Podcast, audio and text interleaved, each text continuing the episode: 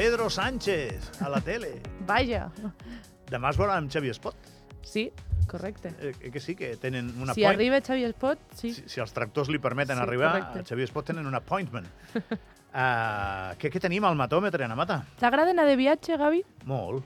Doncs avui ens n'anem fins a Canàries, Vinga. a Gran Canària concretament, perquè per promocionar un esdeveniment d'un tal Tiago i Cris MJ, dos senyoros han amagat un maletí amb 1.000 euros a Gran Canària. Aquest és el vídeo que van fer per animar la gent a buscar-los. Nos dieron mil euros para promocionar el evento de Tiago y Cris MJ el 23 de marzo. Y en vez de quemarle los anuncios en la tele, lo vamos a esconder por la isla. Y el primero que lo encuentre, se lo queda. Como Gran Canaria es muy grande, vamos a estar subiendo un reel diario con una pista que les acercará a los 1000 euros. Tres vídeos. Tres pistas, 1000 euros. Señores, literalmente he tenido fácil. No hay que seguir a 57 cuentas, etiquetar a 42 amigos. Así que pónganse a buscar la primera pista y nos vemos en 24 horas. I us preguntareu, quin és el problema de que aquesta gent amagui un maletí amb 1.000 euros a Gran Canària? Espera que m'ho pregunto. Quin és el problema que aquesta gent amagui 1.000 euros en un maletí a Gran Canària? Doncs que han promogut el que han anomenat a les xarxes un atemptat mediambiental a les dunes de Maspalomas. Perquè en el moment que es va fer viral aquest vídeo de que amagaven aquest maletí amb 1.000 euros, moltíssims joves, moltíssima gent se'n va anar a Maspalomas, dunes de Maspalomas, reserva natural Sí, sí, sí, especial sí. anomenada així, doncs amb pales, amb raclets, amb tot un munt de coses per destrossar les dunes buscant aquests 1.000 euros. Clar, I- què passa? Lleig. Sí, lleig, sí, inapropiat i complicat pel medi ambient, evidentment, però no s'ho devien pensar, que anaven a tenir tant èxit o què? No en tinc ni idea, però la gent per 1.000 euros Sí, sí, es mou. mata, eh? Es mou, eh? Sí, sí.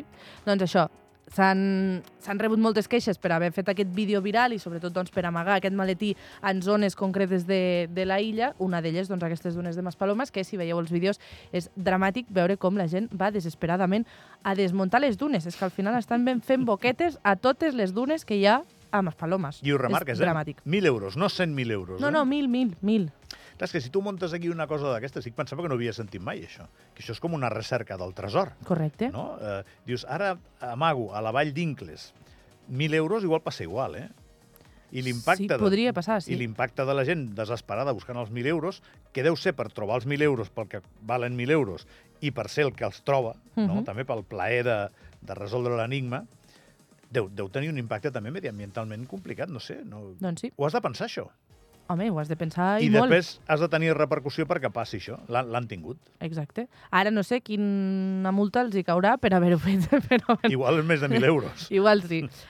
Us portem una altra temàtica, no sé si us sona, l'actriu Maria Herbàs, Sí, coneguda doncs, per aquesta Machos Alfa. Machos Alfa, per El Pueblo i també per la última pel·lícula que es va estrenar a cinemes a Illa Carlemany de eh, Políticamente Incorrectos, per cert, pel·li molt guai, la vaig anar a veure dissabte Jo he d'anar amb la mare. i és recomanable.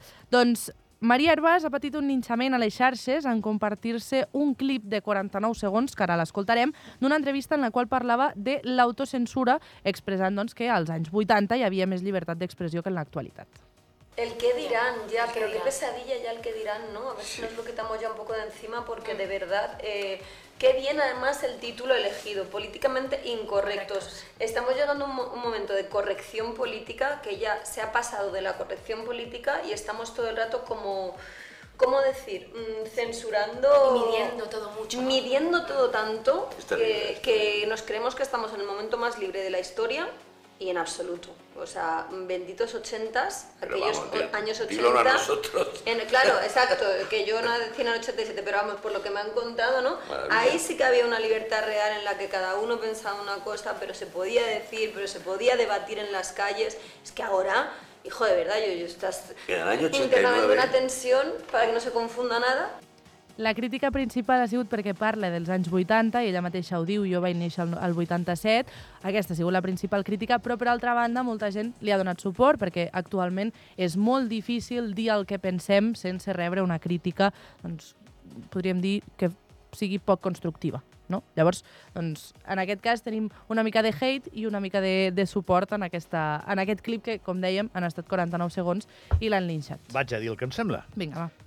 No sé si hi ha més llibertat ara que als 80, no ho sé. Et diria que, des del punt de vista legal, no.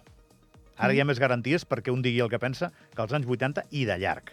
Ara, que el que està passant és que l'exercici d'aquesta llibertat s'està convertint en un problema, i no pas per les lleis, sinó pel que passa quan dius alguna cosa que se surt del canal que a priori molta gent ha decidit que és el correcte, uh -huh. i d'aquí va la, correct, la correcció o incorrecció política, sí que és un problema. Pels creadors, pels que fan humor, s'ha convertit en un problema. Llavors, comparar èpoques és molt complicat, i llavors quan ho fas probablement encara el linxin més, però posar en qüestió si aquesta llibertat que a priori tenim és la llibertat que volem, doncs jo crec que és, és saludable i s'hauria de fer més sovint. Ha els temes que moltes vegades s'analitzen són complexos, eh?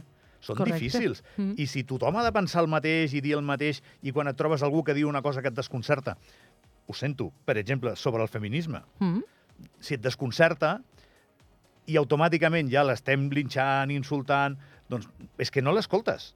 Correcte. I igual una mica de raó podria tenir, en aquest cas o en d'altres, no? Però clar, estem en un punt en què ja no es pot dir res de moltes coses. I què fem molts? Doncs pues, mesurem molt el que diem, és així. Doncs això és el que deia Maria Arbàs i per això se l'ha linxat molt a les xarxes. Pues I ara... La, la prova la tens, que l'han linxat. I ara us portem un últim àudio que ara en comentem res, una pinzelladeta. Poco se habla del aborto. Si lo normalizamos, hacemos que la gente no pase ese proceso de una manera solitaria, que no haya soledad, pues de la ilusión, que si las ecografías, que si escuchas el latido, luego llega la gente y te diga, bueno, no pasa nada, en nada llega otro. Vamos a ver, ¿cómo que llega otro? que no es un, mm, eh, un juguete, que te cambias y tal, no sé qué. En defensa también de la gente de alrededor, es que tampoco sabes qué decir, cómo actuar. Hago un llamamiento y pido más visibilidad para normalizarlo y evitar que quien pase por esto se sienta sola o incluso, ojo, cuidado, culpable. Luego, formación de que estas cosas pueden pasar y cómo pueden pasar. Qué tipos de aborto hay, por qué se dan. Otra de las cosas que quiero pedir en esa formación es un poco de visibilidad también también al marido. También tiene que tener su propio duelo. ¿Sabes? Que se tiene que hablar, que es algo que nos pasa a todas o que nos puede llegar a pasar a todas y que no se habla. De verdad es tema tabú. deies el tema del feminisme, deies temes tabús, doncs justament el programa Poco se habla, que és un podcast que duen a terme Ana Brito del show de Britain i Chuso Jones, doncs han parlat justament del tema de, de l'avortament. Com hem pogut sentir, demanen doncs, més visibilitat per a aquestes temàtiques i sobretot aquest dol que han de passar les famílies, ja no només la mare, sinó també donen aquest punt de més també doncs, per la parella, el pare o l'altra mare que, que sigui el cas, doncs perquè tinguin aquest reconeixement i que no es vingui amb lo de no, tranquil·la, d'aquí uns dies torneu a provar-ho. M'agrada molt perquè les tres coses que m'has portat no les havia sentit. Doncs mira. Gràcies, Anna. Fins ara. Hem d'anar al Thyssen, ho saps, no, això? Sí, som-hi. Ara, ara ho explicarem.